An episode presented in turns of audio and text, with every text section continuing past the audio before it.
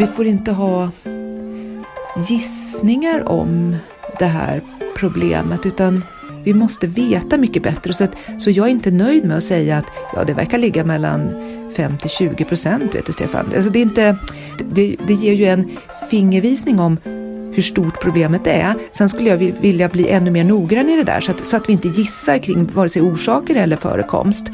Men det jag tycker det ändå är nedslående att om vi har ett sådant stort problem, eh, och ändå pratar om också om en mänsklig rättighet, och så eh, har vi inte bättre siffror på det.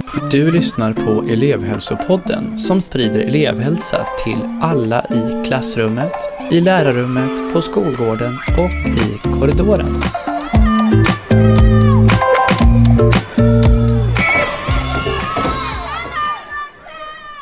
Hej och välkomna tillbaka till ett eh, nytt avsnitt eh, av elevhälsopodden.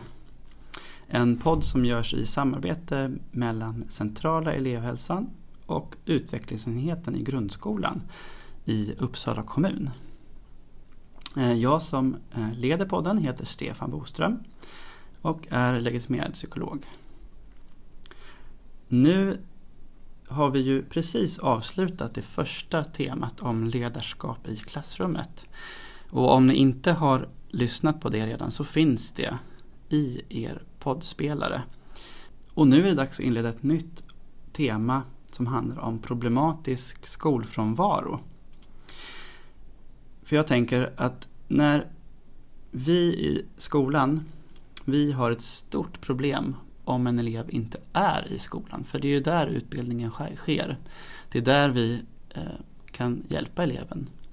Och eh, vi har ju under de senaste åren blivit mer och mer uppmärksamma på att eh, vi i skolan behöver fokusera på närvaro och på när det blir en problematisk frånvaro för en del elever. Eh, och med mig under de här tre avsnitten eh, så har jag Anders Olsson som ska vara med och reflektera i för och eftersnacken. Eh, Anders, vi diskuterade innan här lite grann om eh, var det är du jobbar. Kan inte du presentera dig själv kort och vad du pysslar med på dagarna?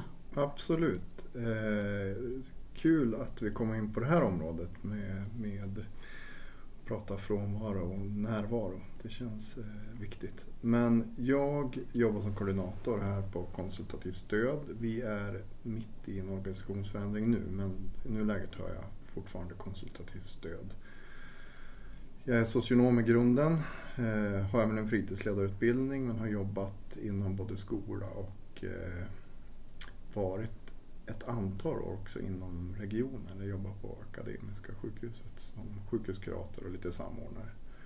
Men har varit här i den här tjänsten nu i två år. Blir det. Eller blev det nu i årsskiftet. Okej. Okay. Mm. Kan du berätta kort vad, vad, du gör på jobbet? Alltså vi, I grunden så jobbar jag med att koordinera insatser till elever som har oroväckande hög skolfrånvaro.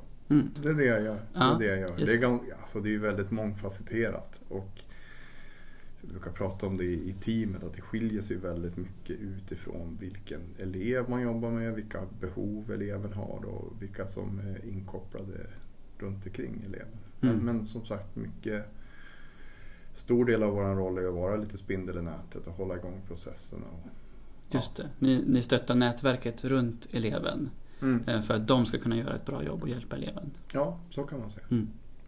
Vi, vi kommer ju ha tre avsnitt i det här temat och i det sista avsnittet kan vi avslöja, då kommer vi intervjua Pelle Åström som är din kollega. Mm. Och då kommer han berätta eh, jättemycket om hur, hur ni jobbar. Så då mm. kommer vi få veta mer om det. Nu ska vi ju strax eh, lyssna på en intervju, ett samtal som jag hade med Malin Gren Landell. Eh, vi tänkte att eh, hon blir en utmärkt person att eh, kicka igång det här temat. Eh, och jag kände inte till henne så jättemycket innan.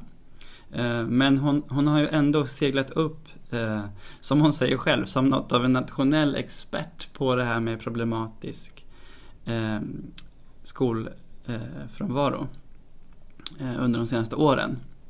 Eh, hon har jobbat som eh, regeringsutredare faktiskt och det kommer vi prata lite grann om i avsnittet. Eh, vad, vad, har du, vad känner du till om Malin, Anders? Ja, alltså hennes eh, utredning ligger ju till viss del som grund för liksom vårat projekt också. Eller det hon kom fram till i, i, i den här Saknad. Eh, men annars, alltså min erfarenhet, jag har ju dels läst en del som hon har skrivit och sen så även lyssnat på henne vid ett par tillfällen. Och hon är ju, ja men, känns ju duktig, eh, energisk. Alltså så är det, det, hon, hon brinner ju för det här. Mm. Vilket gör att det, ja, men det, det, det gör det lättare att läsa och lyssna på det hon säger och, har skrivit. Tycker jag. Mm. Eller hur? Mm. Uh, ja men uh, vi, jag tycker vi uh, lyssnar på avsnittet. Uh, och sen så, så snackar vi lite grann om vad, vad, vad vi tänker om det. Mm, låter bra. Mm, vi kör.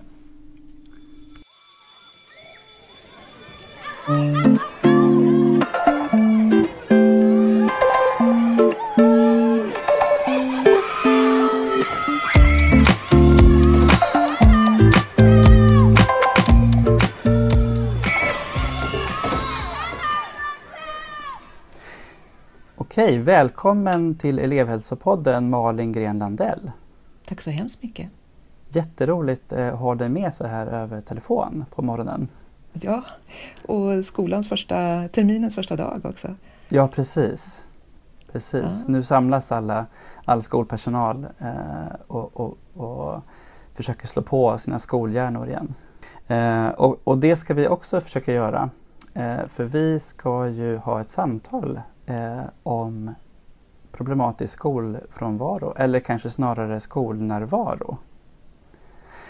Eh, och mm. Jag känner ju till dig eh, eftersom du för några år sedan eh, var utredare på uppdrag av regeringen. Och, och eh, Kan inte du mm. Eh, börja med att presentera dig själv först och främst? Och sen förklara det här, vad, vad mm. innebär det att vara regeringsutredare? Eh, helt enkelt. ja, precis. Det var inte något jag hade tänkt på innan jag fick uppdraget.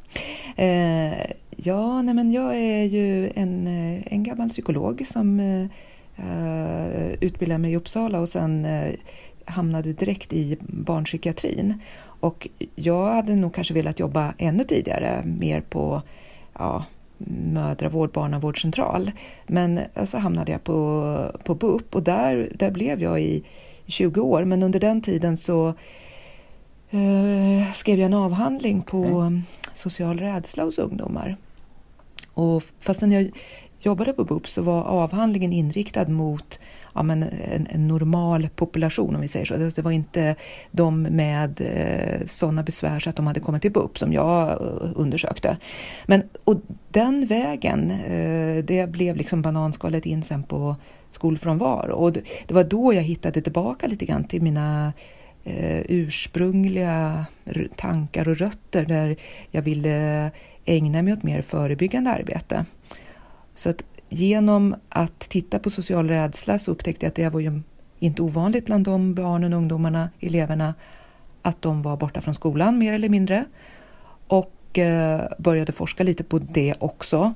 Uh, och eh, började också skriva böcker för skolpersonal, både lärare och elevhälsa. Och då en, en vacker dag, en sommar, så hörde okay. de av sig från utbildningsdepartementet. Och då, Eh, jag som inte har haft, det finns ju många utredningsrävar eh, på regeringskansliet, men jag hade ju aldrig tidigare haft ett sånt här uppdrag. Så det eh, slog ner som en bomb i mig och samtidigt så var det bara så, ja det är klart, alltså jag är ju nationell expert på det här så att ja, det, det var både ett sådär hoppsan, eh, hur gick det här till? Och samtidigt som det kändes ganska naturligt. Sen var det en uppgift som jag aldrig hade gjort tidigare och som förstås är omgärdad av en massa mm. regler och struktur, vilket det ska vara. Eh, så det var ju liksom en lär, det var ett lärarbete eh, att ha det uppdraget. Men ett, ett väldigt stort ansvar jag tyckte det var väldigt lovvärt att, att eh, staten slutligen tog ett ansvar för den här viktiga frågan. Så, så jag var ju förstås väldigt pepp. Men, men så det, det, det är väl ungefär så det går till att eh, de ringer upp och eh, sen så får man ju vara lite tyst om det här och, och så där då och sen så eh, ja, kommer det ut i media och så blir det en massa ståhej kring det och sen så börjar man sitt jobb och då eh, är det tyst ett tag. Men det, det som var roligt med den här utredningen var att det var ett väldigt stort intresse från mm olika samhällsaktörer.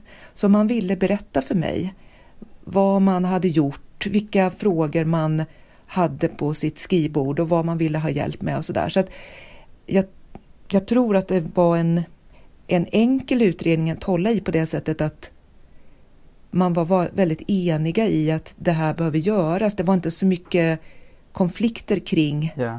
att yeah. det behövde göras. Och det var många som hade information som de ville dela med sig av. Ja, exakt. Och sen så i min ut, det var, en, det var en väldigt liten, vi var en väldigt liten stab. Vi hade egentligen också väldigt kort tid på oss. Vi äskade om mer tid och fick det till slut. Eh, och eh, jag hade ju, även om jag tyckte det var lovvärt att man gjorde den här utredningen så det är klart i den bästa utav världar hade jag önskat att även till exempel socialdepartementet eh, hade varit med därför att det här ja. bara in, det är inte bara en skolfråga. Så att, det, det, därför att det här man måste, när det är en sån här utredning så måste man avgränsa och då eh, det var förstås väldigt naturligt att man avgränsade till de obligatoriska skolformerna. Så, så det jag skulle titta på var grundskolan, grundsär, sameskolan, specialskolan eh, och inte då man skulle kunna tänka sig att man mm. tittar även på förskolan och även på gymnasiet. Men, men det som var bra var att samtidigt pågick den stora gymnasieutredningen och också en utredning unga som varken arbetar eller studerar. Och, och där kommer ju in de här då som faller ur gymnasiet och, de, eller, och jobbar för att, att elever inte ska falla ur gymnasiet. Så att, och vi hade mycket samarbete, mycket kontakter oss emellan och också den här läsa, skriva, räkna garantin. Så att jag tyckte att vi såg till att ha ett bra paket även om vi hade det, helt Vad var det som skulle ingå i det paketet? Vad var det formella uppdraget som du fick av regeringen? Mm. Det, det, det, var ett ganska roligt uppdrag. Man kan ju få olika direktiv. Eh, men det som är liksom lite mer modern utredning där jag också skulle lyfta fram hur huvudmän och kommuner har jobbat bra med att främja närvaro. Så det, det handlade dels om att titta på hur, hur vanligt förekommande är det med problematisk frånvaro. Ja. Så man, man valde då också att använda det begreppet. Eh, det var bra. Eh, och sen eh, att eh, titta på vad på olika nivåer. Eh, vad kan rektors ansvar vara? Eh, vad kan elevhälsan göra och vad behöver huvudmännen göra? Också Skolinspektionen som, som, som granskande part. Då, och så så att det var både att titta på främjande och åtgärdande och, och arbete. från olika mm. nivåer verkar så, det som. Mm. Mm, exakt. Mm. Men då bara eh, grundskolan. Eh, och, det, och då förstås, eh, det är ju brukligt att eh, också titta på lagstiftningen. Är någonting som behöver göras eh, i lagstiftningen för mm. att vi ska få en eh, Men eh, utredningen är ju klar sedan ett tag. Mm. Eh, när blev den klar och var kan man mm. läsa den? Mm, mm. Jag vet, det, när du säger det nu, så det är ju faktiskt exakt tre år sedan. Eh, eller inte exakt, på torsdag är det exakt tre år sedan. Det var 9 januari 2017 som ja. jag lämnade över till utbildningsministern. Och eh, ja, eh, det är svårt att alltså, prata länk, men alltså, om man söker på eh, antingen SOU 2016 kolon 94 eller om man skriver kanske ännu hellre saknad, utropstecken, uppmärksamma elevers frånvaro ja, och okay. agera, så får man upp den. Ehm, så ligger den i pdf. Sen kan man, jag har sett att eh, man då också kan köpa den om man vill ha den i, liksom i att hålla i. Eh, så kan man köpa den. Men eh, då, är, då, är, då, blir den verkligen sina 500 sidor. När man mm. har den på, på nätet så ser den ju ja, så mycket tunnare ut. Så att man kanske inte blir lika avskräckt. Det är det. Men det som är roligt är att ja, men, jag, jag ska be att få siffror på hur, liksom hur, hur nedladdad den är. Men jag möter så många människor när jag är ute och föreläser och, som har läst den. Och det, jag tycker det är ett av mina roliga minnen det är eh, när jag träffade ett ungdomsombud i Linköpings kommun som hade läst den från perm till perm. Och vi, vi pratade, det var inte en gymnasist utan det var eh, en ung människa som har mm. som gått ur eh, skolan men eh, som verkligen hade tagit sig an att läsa den här. Och, för mig är ungas delaktighet överlag är så himla viktig. Så det var någonting som gladde mig, att, att den var läsbar, att det inte var en byråkratiskt skriven lunta, utan mm, att det var det. något man kunde faktiskt ta till sig. Och utbildningsministern sa också att eh, när jag lämnade över så sa Gustav Fridolin att det, det var ja. som en uppslagsbok. Och, ja, eh, verkligen. Att, ja, det tyckte jag var eh, Vi ska betyg. snart eh, dyka ner i, i frånvaro Um, och, och, och vad, vad, det finns för statistik och sådär, det är jag intresserad av att fråga om. Men jag, jag tänkte bara, det var ju ändå tre år sedan du blev klar. V vad gör du nu för tiden på jobbet? Mm. Mm. Ja, det blev ju en spin-off där kan man säga. Ja, nej men eh, jag eh, lämnade ju, jag lämnade barnpsykiatrin och eh, så gick jag över till eh, att jobba i en, en svensk kommun med, eh, på en utbildningsförvaltning med ja. bland annat eh, närvarofrågor och eh, för att utveckla närvaroarbetet där. Och eh, idag är faktiskt den första dagen i mitt nya liv när jag bara jobbar med att eh, föreläsa, handleda, hjälpa kommuner med att stärka upp deras närvaroarbete. Eh, också eh, är på väg in i forskning igen. Eh, jobbar just nu med en webbutbildning med kollegialt lärande kring att främja närvaro och skriver böcker. Så det, jag, jag, ska, jag ska ta ett år nu där jag får grotta ner mig i den här frågan och utan att svika mm. eh, min arbetsgivare för att jag är borta så mycket och föreläser. Eh, så att, eh, ja. ja det, jag ägnar mig åt den här frågan. Det verkar inte som att du kommer gå sysslolös under det här året. Nej. Troligen inte. Ja. Eh, ty tyvärr kan man väl säga. Då. Eh, vi går in mm. på mm. mitt, eh, mitt frågebatteri här. Eh, och, och, då funderar jag kring mm. hur ser trenden ut i svensk skola egentligen vad det gäller frånvaro? Ökar eller minskar den? Mm. Ja, men det, det är en fråga vi har ställt oss, som många har ställt sig och tyvärr i många år. Och vi, I Sverige kan inte vi svara på det därför att vi inte har en regelbundet insamlad nationell statistik. Så, så jag kan inte svara dig på den frågan. Jag kan bara ge mina erfarenheter från ja, vad kommuner berättar ja. när jag är ute och, och träffar dem. Och, eh, ja, men bland annat i, i våras, i april 2019, så var det en eh, nyhet i eh, Dagens Nyheter där det, det rapporterades om en stor ökning av antal elever med frånvaro mm. över 20 procent i Stockholms mm. stads grundskolor. Och, och då, det, det, här är då inte för att hänga ut Stockholm utan eh, där, då kan man säga att det, där finns det ja, men en typ publicerad siffra. Men det är precis det som jag ser när jag är ute och träffar kommuner. Eh, så, att, så Stockholm är inte ensamma. Men, men, eh, det som är bra då, det är väl att eh, nu äntligen så ska Skolverket i, nu i mm. år 2020 göra en nationell undersökning och som faktiskt kommer att se ut på lite annat sätt än vad man har gjort tidigare. Det viktiga är i den här undersökningen att man tar med giltig frånvaro. Så, så nu, nu börjar kanske något nytt för att vi har ju Skolverket och Skolinspektionen har gjort två tidigare nationella undersökningar. Men, men även de siffrorna, det var, det var liksom klara eh, underskattningar av, alltså de siffrorna som redovisas där eh, kan, kan omöjligt stämma eh, när man tittar på vad, vad kommunerna visar. Mm. Alltså när, när jag träffar andra mm. kommuner så, så, så, är det andra siffror och mycket högre. Så jag, jag tror att den här uh, upplägget på den här undersökningen mm.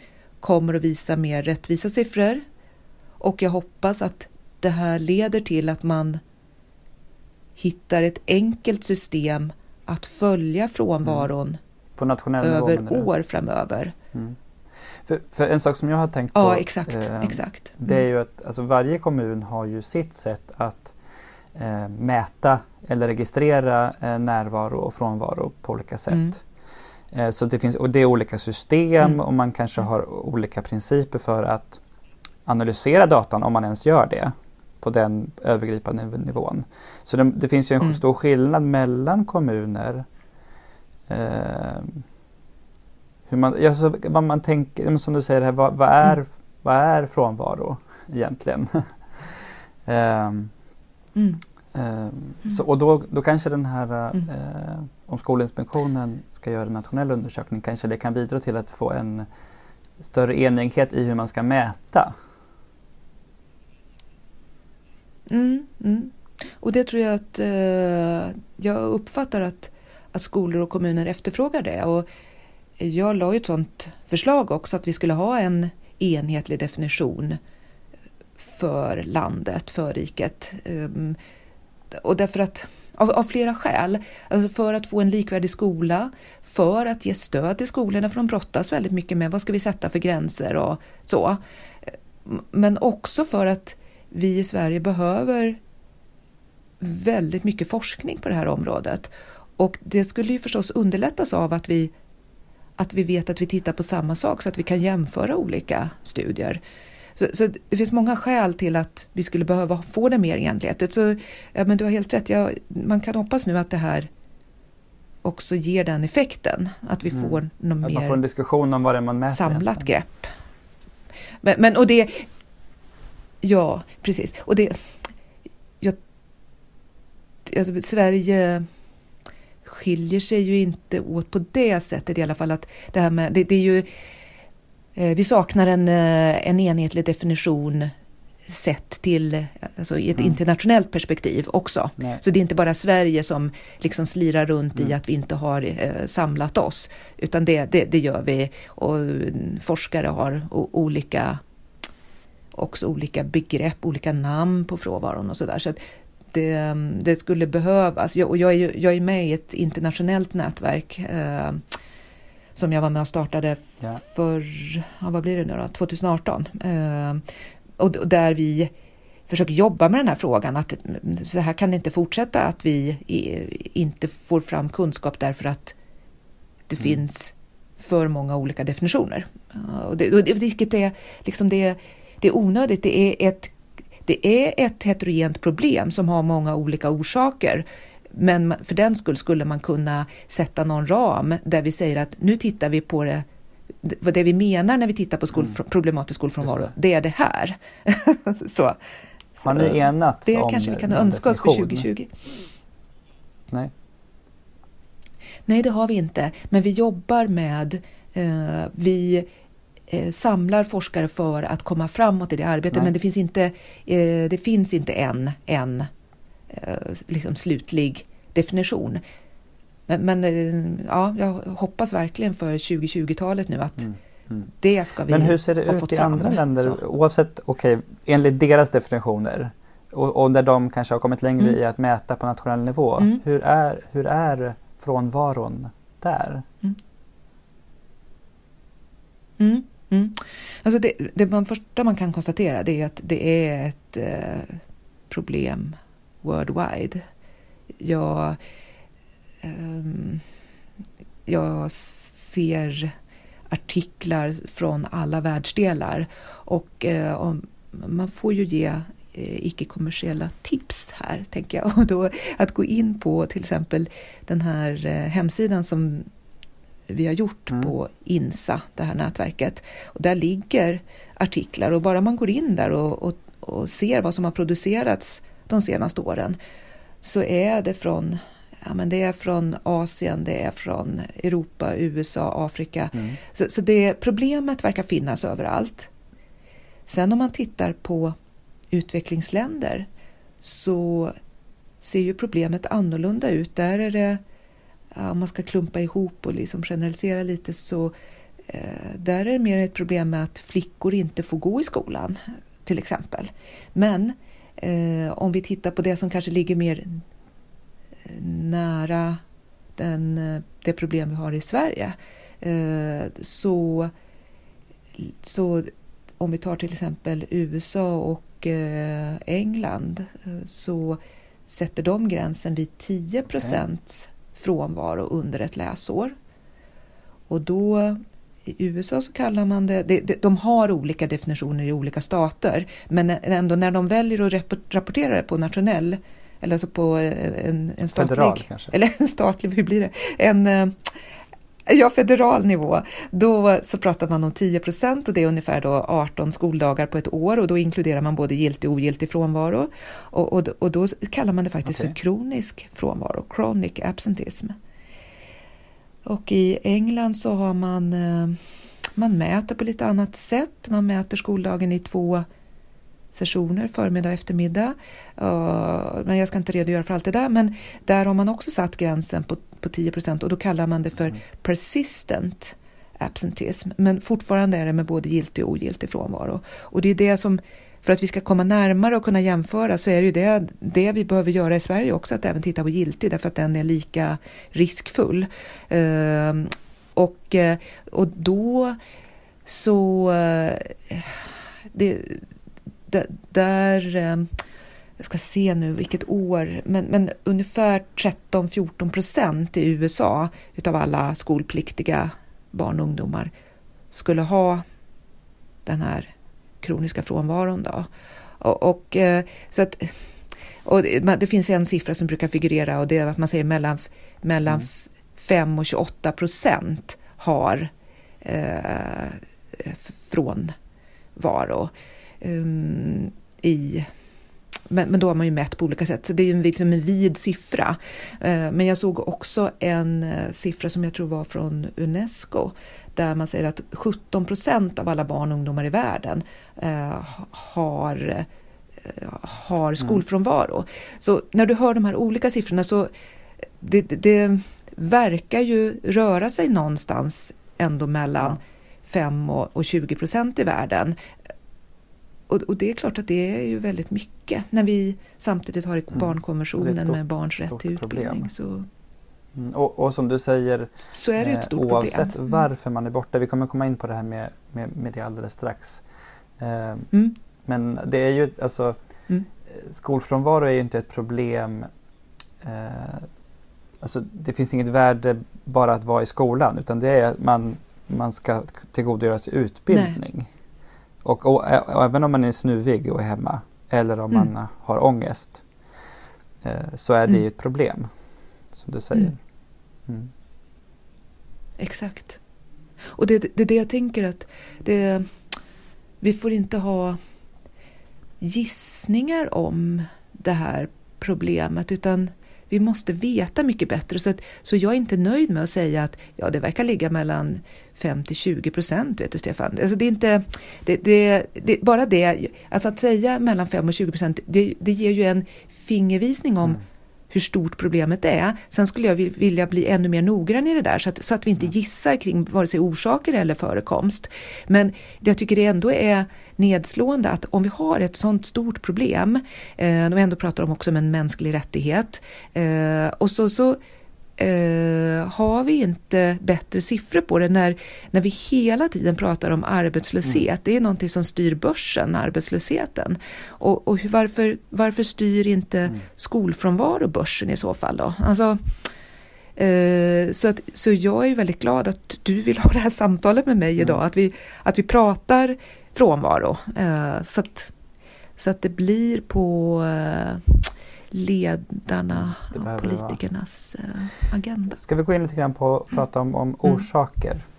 Eh, vil, vilka är de största Mm. orsakerna eh, till att eh, barn inte går till skolan i Sverige? Nu, nu är vi i Sverige igen tänker jag. Mm. Mm. Alltså, vi har ju inte, som sagt, det, det finns ju otroligt lite forskning Mm. från Sverige på, på skolfrånvaro. Eh, men det finns, det, det som finns visar ju att det är ungefär samma orsaker som i andra länder. Eh, och vi, vi kan Mm, också ja, dra slutsatser från göra. andra länders forskning. Det, det, det, är som det är jämförbart. Men, ja det kan vi göra. Eh, Men det, jag brukar alltid säga att jag svarar inte på frågan om vad är de största orsakerna för att det, det, som, det som är med frånvaro är att det nästan, ja, i princip alltid Mm. för den enskilda eleven så är det flera orsaker och att de också kommer från olika områden. Och det vi måste komma bort ifrån det är det här att säga att det bara beror på skolan eller bara beror på familjen eller bara på eleven. Så det, det, det är liksom, ofta så ligger det både inom det sociala, inom familj, inom skola och sådär. Uh, och det, sen skulle det vara intressant förstås om vi också kunde se, finns det några faktorer som är liksom mer utslagsgivande? Det man kan säga är väl att frånvaro är en risk för frånvaro, det, det vet vi uh, säkert. Risken att komma sent till en lektion gör att man inte går och då kan man förstå att ha varit borta från skolan gör att man inte vill gå tillbaka eh, till skolan för Mm. man vill inte få frågor och, och så vidare. Så, att, så det är en, en, en allvarlig riskfaktor som vi verkligen kan göra någonting åt. Det är ju svårare att göra någonting åt om föräldrar har psykisk ohälsa eller Mm. ja, att du själv har depression och så vidare. Det, liksom, det finns ju hjälp även för det, men, men just det här att, att frånvaro ger frånvaro, det är verkligen så här, det är bara för oss att liksom hämta hem den. Vi skulle Mm. kunna jobba med det direkt. Mm. Men, men eh, om man inte skulle prata om de största faktorerna så tycker jag att det är också viktigt att prata om det som verkar vara missade faktorer. Mm. Det är Mm. som att vi har fastnat i vissa. Det är som att i Sverige så handlar skolfrånvaro enbart om att man har en NPF-problematik, en neuropsykiatrisk funktionsnedsättning. Mm. Och alltså, vi måste kunna lyfta alla grupper. Och två grupper som jag ser inte lyfts lika ofta, men som är oerhört vanliga, det är till exempel elever med oro, rädsla, ångest. Mm. Det finns bland annat, det finns också ny forskning bland annat från England, eh, Katie Finnegan bland annat, som visar hur ångestproblem och depression är eh, det, där, där det är det liksom vanligaste orsaken. Och nu säger jag lite grann emot mig själv att det inte finns någon vanligaste. Men om man ställer det mot till exempel inlärningssvårigheter. Mm. Eh, Så det är en grupp som, eh, som jag tycker vi måste få upp på kartan. Eh, Sen tycker jag också att vi måste få upp eh, gruppen eh, elever som har ströfrånvaro därför att de är hemma och ger praktiskt eller känslomässigt stöd till, sin, till en anhörig. Som då, det kan vara vårdnadshavare, det kan även vara syskon eller så, men, men ofta då en förälder. Mm. Ja, det kan vara att man är hem, alltså man följer med mamma eller pappa och tolkar eller det följ, man är hemma för att hjälpa till med syskon eller man är hemma för att en, en förälder mår psykiskt väldigt dåligt och behöver sällskap eller Mm. ja, rent praktisk hjälp. eh, Så. Eh, Och, och den gruppen är... Det finns någon svensk undersökning som visar att 3% av alla niondeklassare är borta minst en dag varje vecka. Ehm, och eh, det... Jag tycker att det är en grupp som vi inte pratar om, i alla fall inte i media. Och jag tycker inte att skolor pratar så mycket om den gruppen heller. Så eh, de skulle jag vilja passa på att lyfta. Mm. Mm. Ja men eh, vad, vad vitalt att du inte eh, sväljer mitt stora dinglande bete här om de största fetaste orsakerna till frånvaro. Men eh, hur tycker du att skolor e- eller ja, säg lärarlag eller liksom på olika mm. nivåer. Hur ska, mm. man, hur ska man närma sig frågan om orsaker? För det är ju frågan varför, det ställer sig ju alla. Men hur ska man ja. närma sig den tycker du? Ja, ja nej men, så att inte jag också bidrar till nu att man bara helt plötsligt bara skulle börja titta efter de här två grupperna som jag nämnde. Utan alltså, oavsett orsak, det finns ju inte någon viktning i, i värdering av de olika orsakerna. Utan jag tänker att man ska, hur man ska närma sig det här, det är ju just med kunskap. Och kanske hjälpa varandra i skolan och påminna varandra om att, ja men vänta nu, eh, det är ju inte bara, vi kan ju inte bara säga att det beror på familjen. Vi måste titta också på skolmiljön.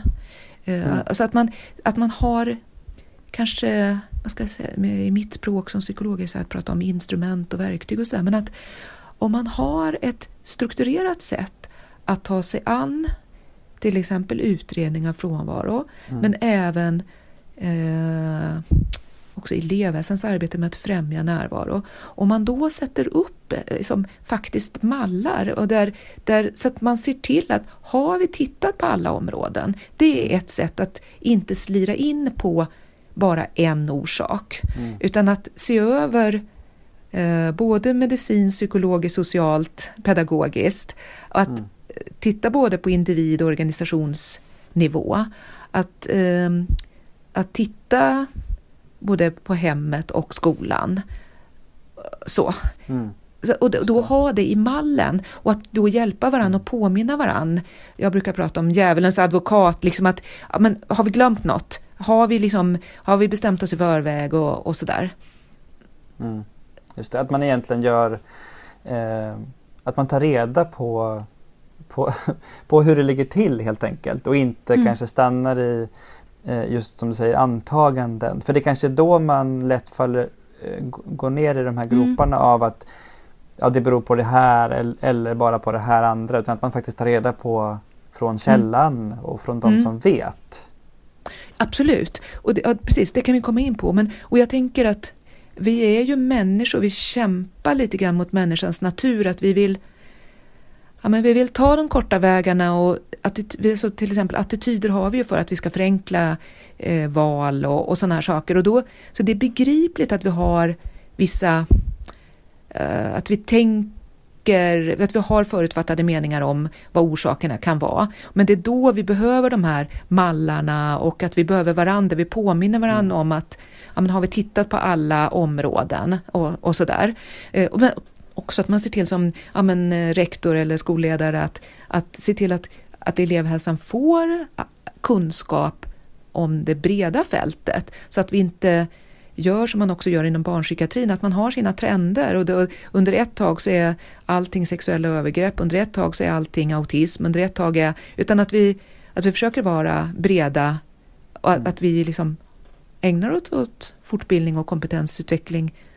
Och, och, i det här också att jag tror att det finns orsaker som vi inte än har forskat på. Alltså samhället går så himla snabbt. Så, så jag tror att det är mycket, mycket, mycket vi inte vet om frånvaro. Alltså att, att kunskapen som vi har också är lite gammal. Eh, så att vi hela tiden uppdaterar oss. Men, men, men sen då, som du säger att när vi jobbar på individnivå, enskilda elevärenden, att, att vi då utreder på ett sätt så att vi ja, frågar på alla områden. Mm. Mm. Så. Uh, inför intervjun så pratade vi lite grann om, om vad vi skulle ha för, för fokus i vårt samtal.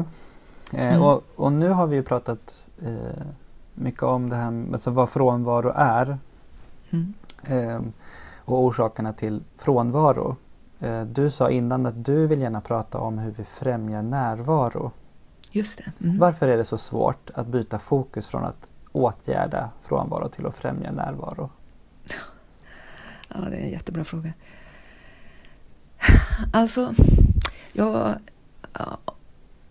Om jag ska svamla lite först så... Gör det. Ja, men alltså eh, igen det där med hur människan är funtad.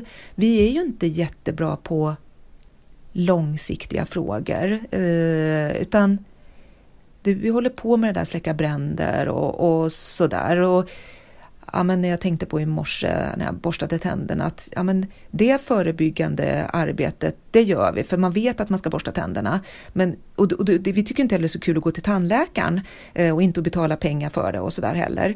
Men varför, varför det är så roligt med främjande arbete och så tillfredsställande. Så varför har vi inte system som premierar det? Alltså det är som att vi har byggt upp system som mer premierar att det får gå för långt eh, på något mm. sätt. Mm. Uh, och då, då menar jag inte bara skolan utan att det är uh, generellt så. Men, men eh, jag, så jag vet inte riktigt vad jag ska svara på det. Men att, så att det är inte, jag tänker så här, det, det, är inte bara när det gäller främja närvaro och förebygga frånvaro som vi trillar in i att åtgärda istället för att främja och förebygga. Och det är också Nej. så, för mig som forskare så vet jag ju hur svårt det är att få pengar för förebyggande arbete för att det är ett långsiktigt perspektiv och det är svårt att fånga in effekterna. Hur fångar man in att någon inte hamnar i skolfrånvaro?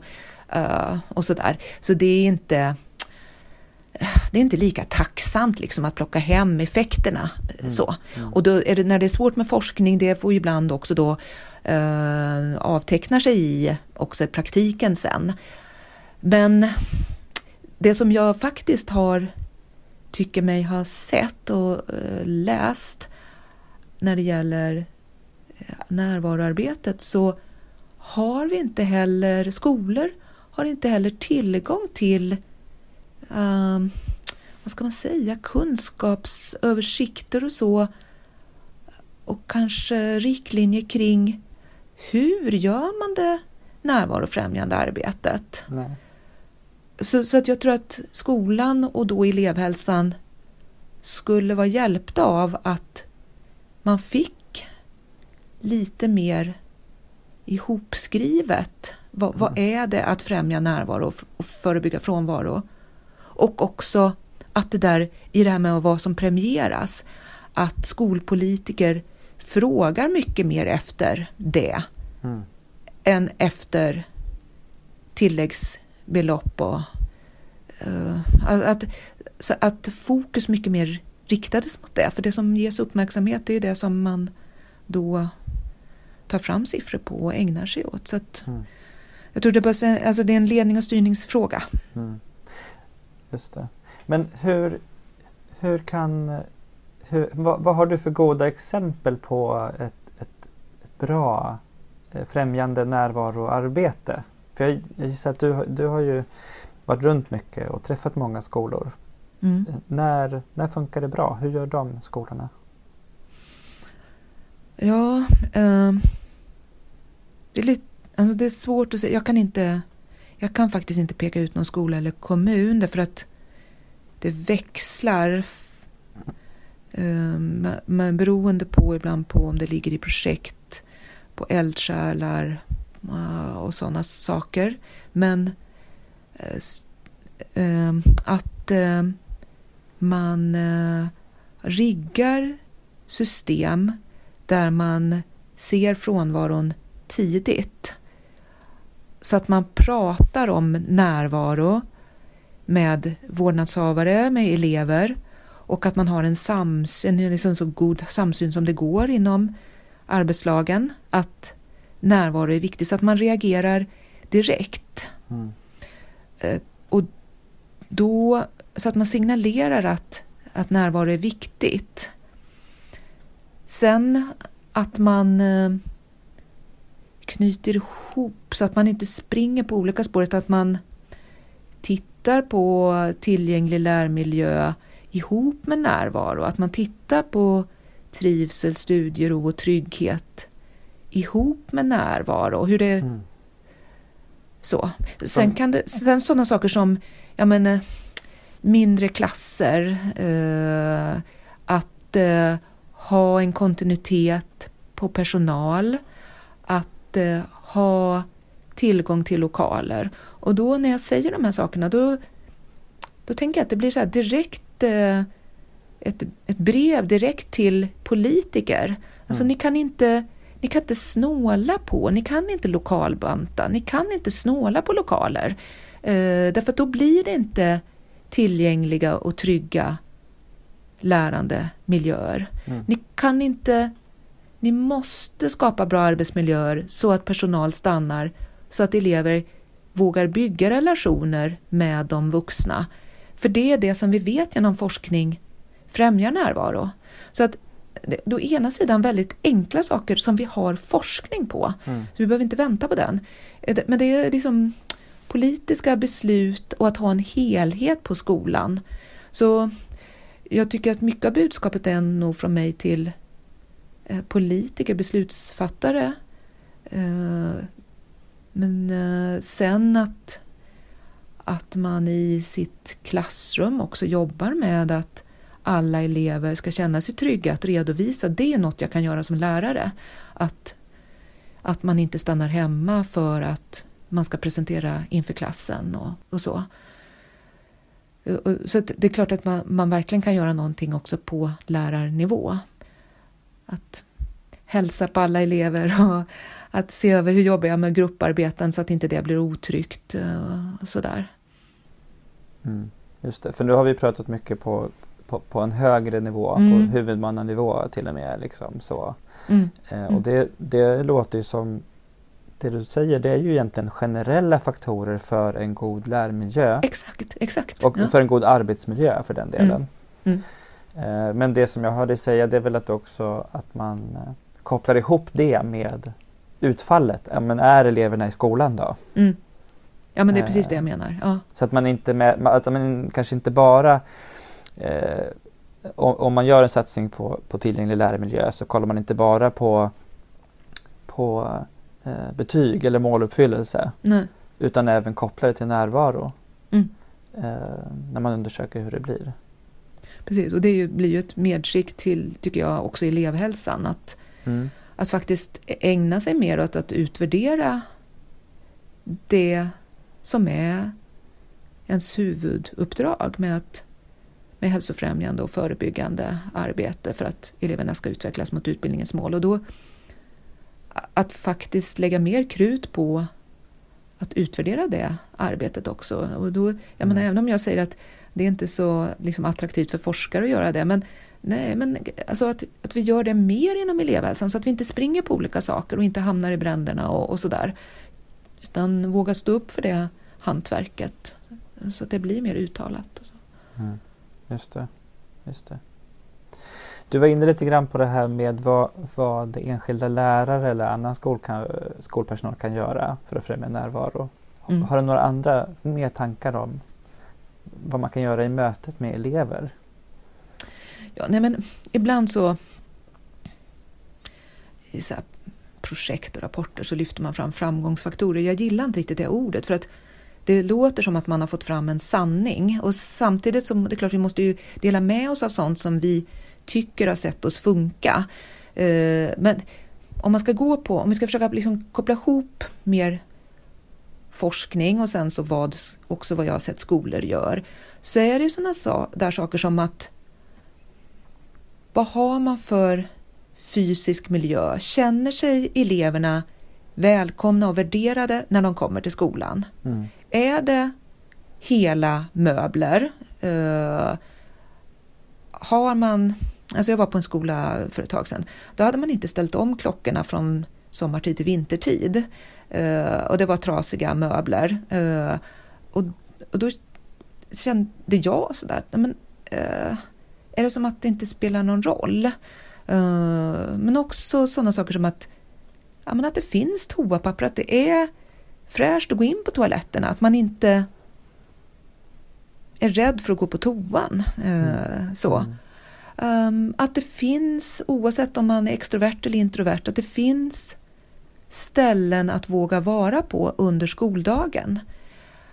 Att man, fastän läroplanen ser ut som den gör nu, eller kursplanerna, att, det, att vi tänker på att i en klass så finns det både elever som är extroverta och introverta. Och att vi inte kan, vi kan inte ha det här racet med att alla ska... Att det är enkelt för alla att prata inför klassen. Utan vi kanske måste tänka att okej, okay, jag måste följa eh, läroplanen, eh, så de måste redovisa även på idrotten. Men hur kan jag göra mm. så att för de blyga eleverna att det blir inte något som hindrar dem från att visa vad de kan. Eh, så. Mm. Precis som jag skulle göra för en elev med ADHD eller autism. Mm. Hur anpassar jag? Eh, så att jag inte tar bort, för att de här eleverna vill också klara uppgifterna. Men att man kan få det betyg som man faktiskt är värd och att man inte stannar hemma eh, för att man är så rädd för att redovisa. Och då, då, så att, att tänka efter, och där, där är liksom, jag är inte bäst på att ge, där lärare har sån uppfinningsrikedom och kreativitet så att så där, att prata i arbetslagen, att prata om de här eleverna så att man inte känner sig pressad som lärare.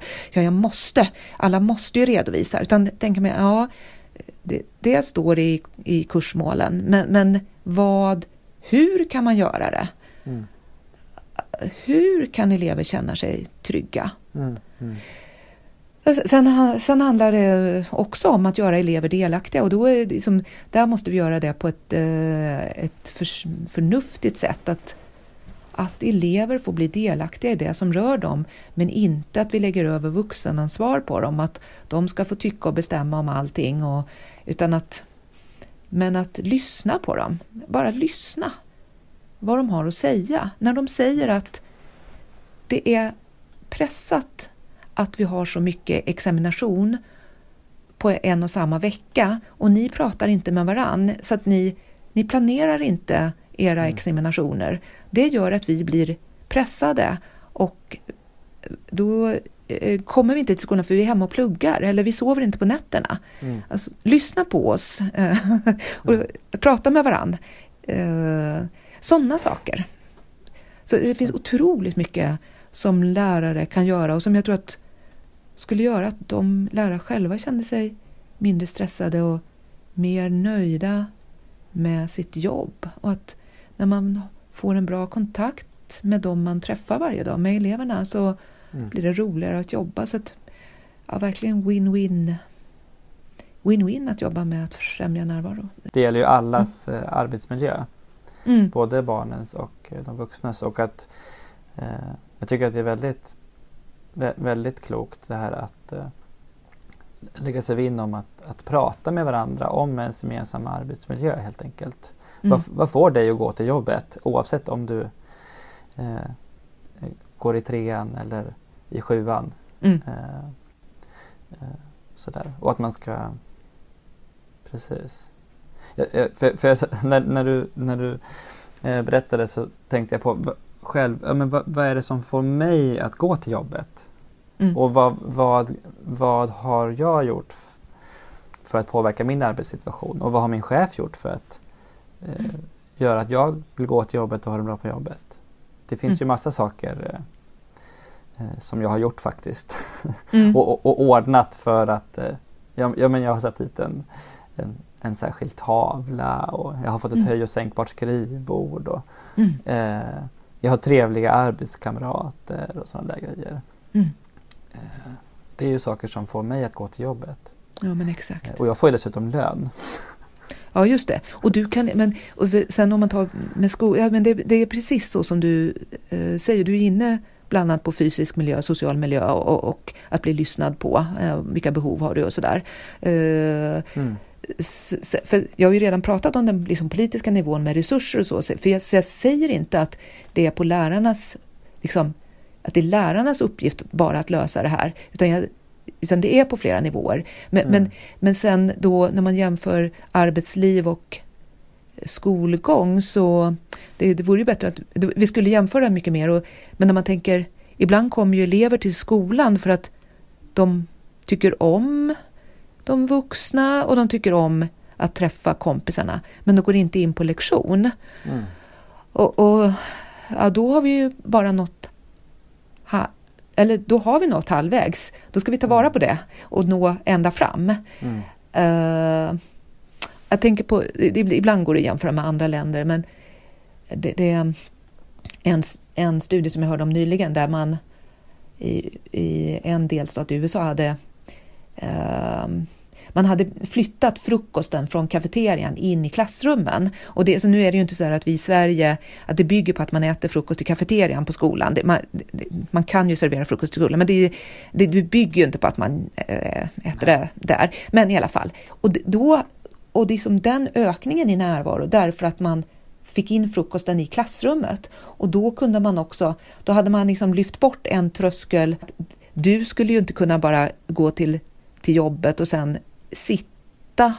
Alltså, då skulle ju någon reagera. Mm, alltså, mm, om ja. inte du gick in på mötena eller gick in och skrev dina utredningar eller alltså där. Men, men och det, så kan det inte få vara i skolan heller, utan vi också måste våga reagera, agera på elever som sitter i korridoren. Mm. Och då behöver vi också hjälpas åt. Uh, och då kan det också vara fler som behöver hjälpas åt. Alltså vårdnadshavare, vaktmästare, uh, ja, bespisningspersonal. Liksom.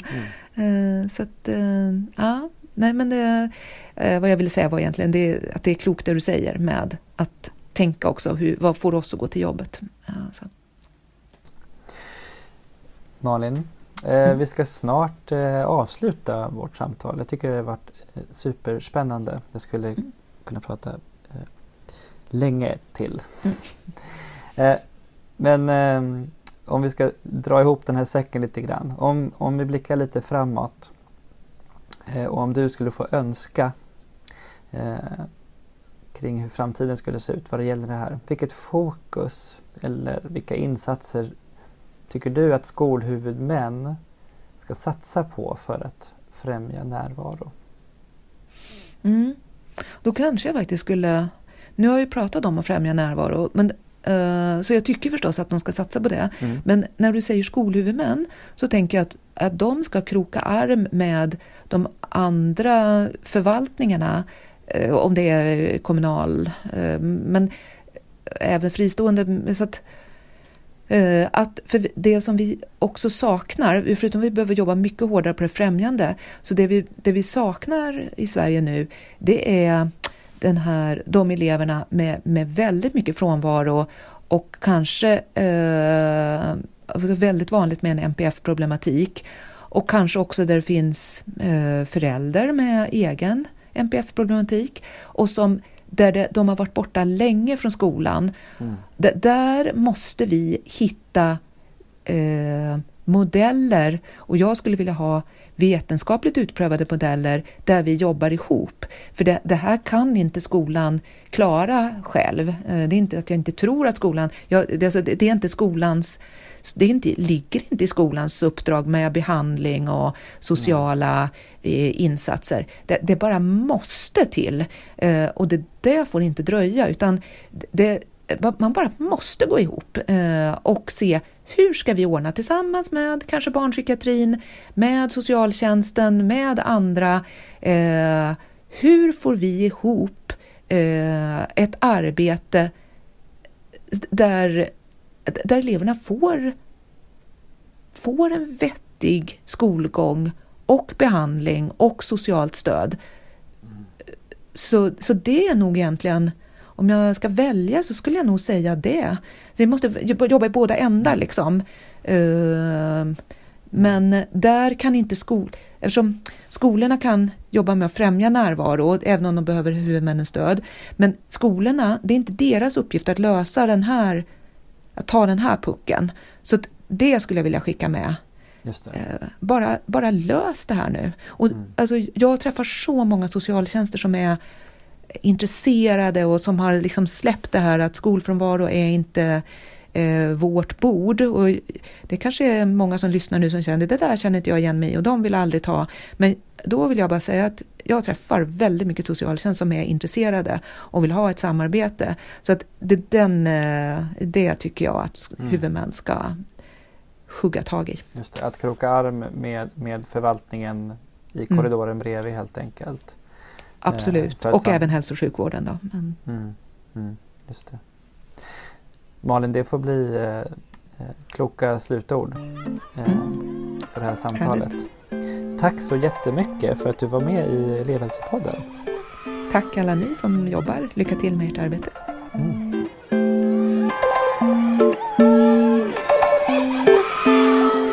nu är vi tillbaka. Vilket, eh, vilket mustigt och som faktaspäckat eh, avsnitt. Jag fick jättemycket tankar när jag lyssnade. Mm, håller med. Och jag, jag, tror jag nämnde det innan, men det här med, med energin också i, i, i samtalet. Det är ja. Ja, men, jättebra. Ja. Eh, en grej som jag tänkte på, eh, det var det här med eh, som Malin lyfter, att, att vi vet faktiskt, vi har ingen enhetlig definition av vad problematisk skolfrånvaro är. Eh, det finns ingen definition idag eh, på, i Sverige. Det finns ingen eh, i, i den internationella forskarvärlden.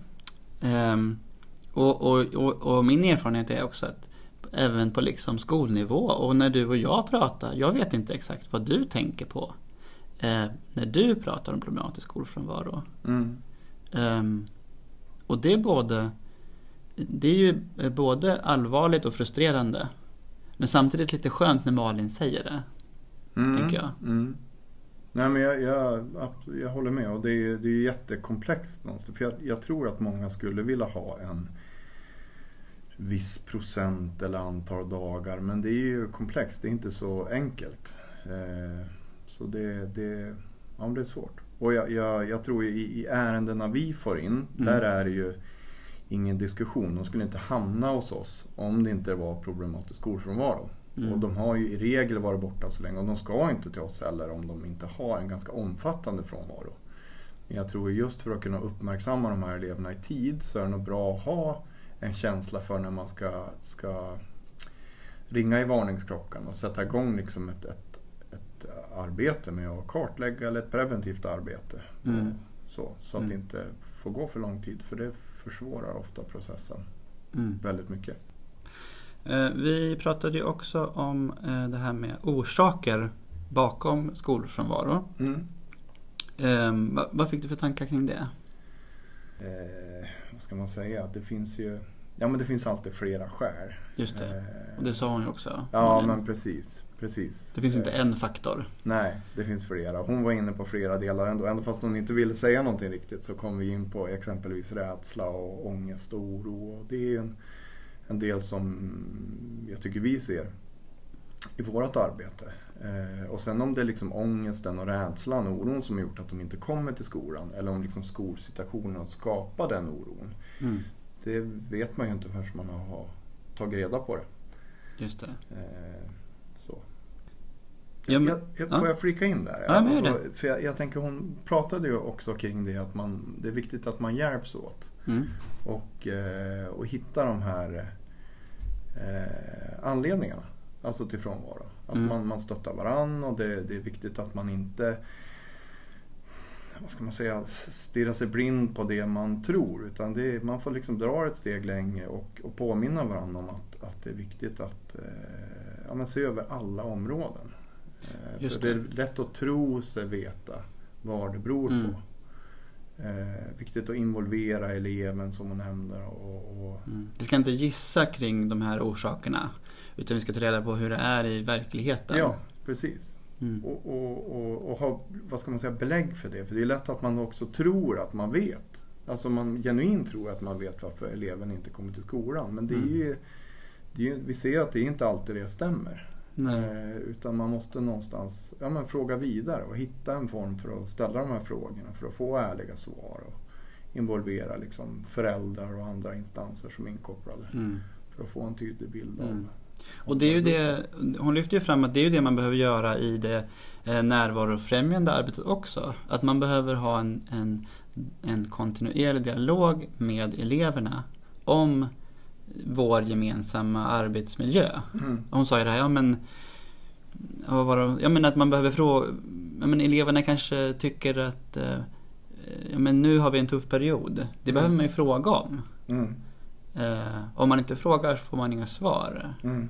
kring det. Ja, och att den svaren man får guidar hur man utformar miljön. Mm. Och anpassar eh, undervisningen och utbildningen i stort. Liksom i det främjande arbetet. Ja, precis. Det tyckte jag var intressant. Okej. Okay. Hade du, hade du mer tankar? Eh, ja men det, det var ganska sent i intervjun eh, som hon nämnde det här kring att liksom kroka arm på andra förvaltningar. Jag tänker att det finns ju också ett ansvar utanför kopplat till ja, men vårdnadshavare, kopplat till kan vara kopplat till barnpsykiatri, till socialtjänst och där man verkligen behöver hjälpas åt. Mm. Eh, för, att, för att kunna hitta rätt. För det är inte alltid som skolans eh, vad ska man säga, kunskap, resurser räcker till av naturliga skäl. Eh, ibland så kan man ju såklart liksom förändra och förbättra men ibland så behövs det hjälp från andra för att få till det. Mm. Och det tror jag är jätteviktigt. Och som hon är inne på att man liksom eh, eh vad ska man säga, man, man eh, ja, men försöker förstå varandra, varandras förutsättningar och verkligen delge varandra den kunskap som man har. Mm. Så att det inte ligger en massa kunskap hos någon aktör som den andra inte tar del av. Och, och det tror jag vi, vi kan bli bättre på. Mm. Mm, det var ett fint uttryck det här att man eh, ska kroka arm Mm. med andra aktörer eller myndigheter. Verkligen. Mm. Eh, hör Anders. Eh, nu har vi lyssnat eh, på det första avsnittet. Mm. Vad kul det var att prata med dig. Ja, kul. Kul att få prata med dig. Ehm, I nästa avsnitt då fortsätter vi med samma tema. Mm. Och då kommer vi få lyssna på en intervju med Maria Bühler som har jobbat mycket med eh, föräldrastöd. Eh, som har jobbat mycket eh, också med barn och unga som har neuropsykiatrisk problematik och problem- problematisk skolfrånvaro. Mm. Det blir en kul intervju att lyssna på. Mm. Spännande. Och om ni eh, inte redan prenumererar på podden och inte vill missa det här och kommande avsnitt så ska ni klicka på den där lilla prenumerera-knappen i er poddapp. Man kan ju lyssna i eh, Spotify, i iTunes podcaster-app eller till exempel Soundcloud om man tycker det passar bra. Ehm, Vi eh, ses i nästa avsnitt Anders. Det gör vi. Ja. Ha det så länge.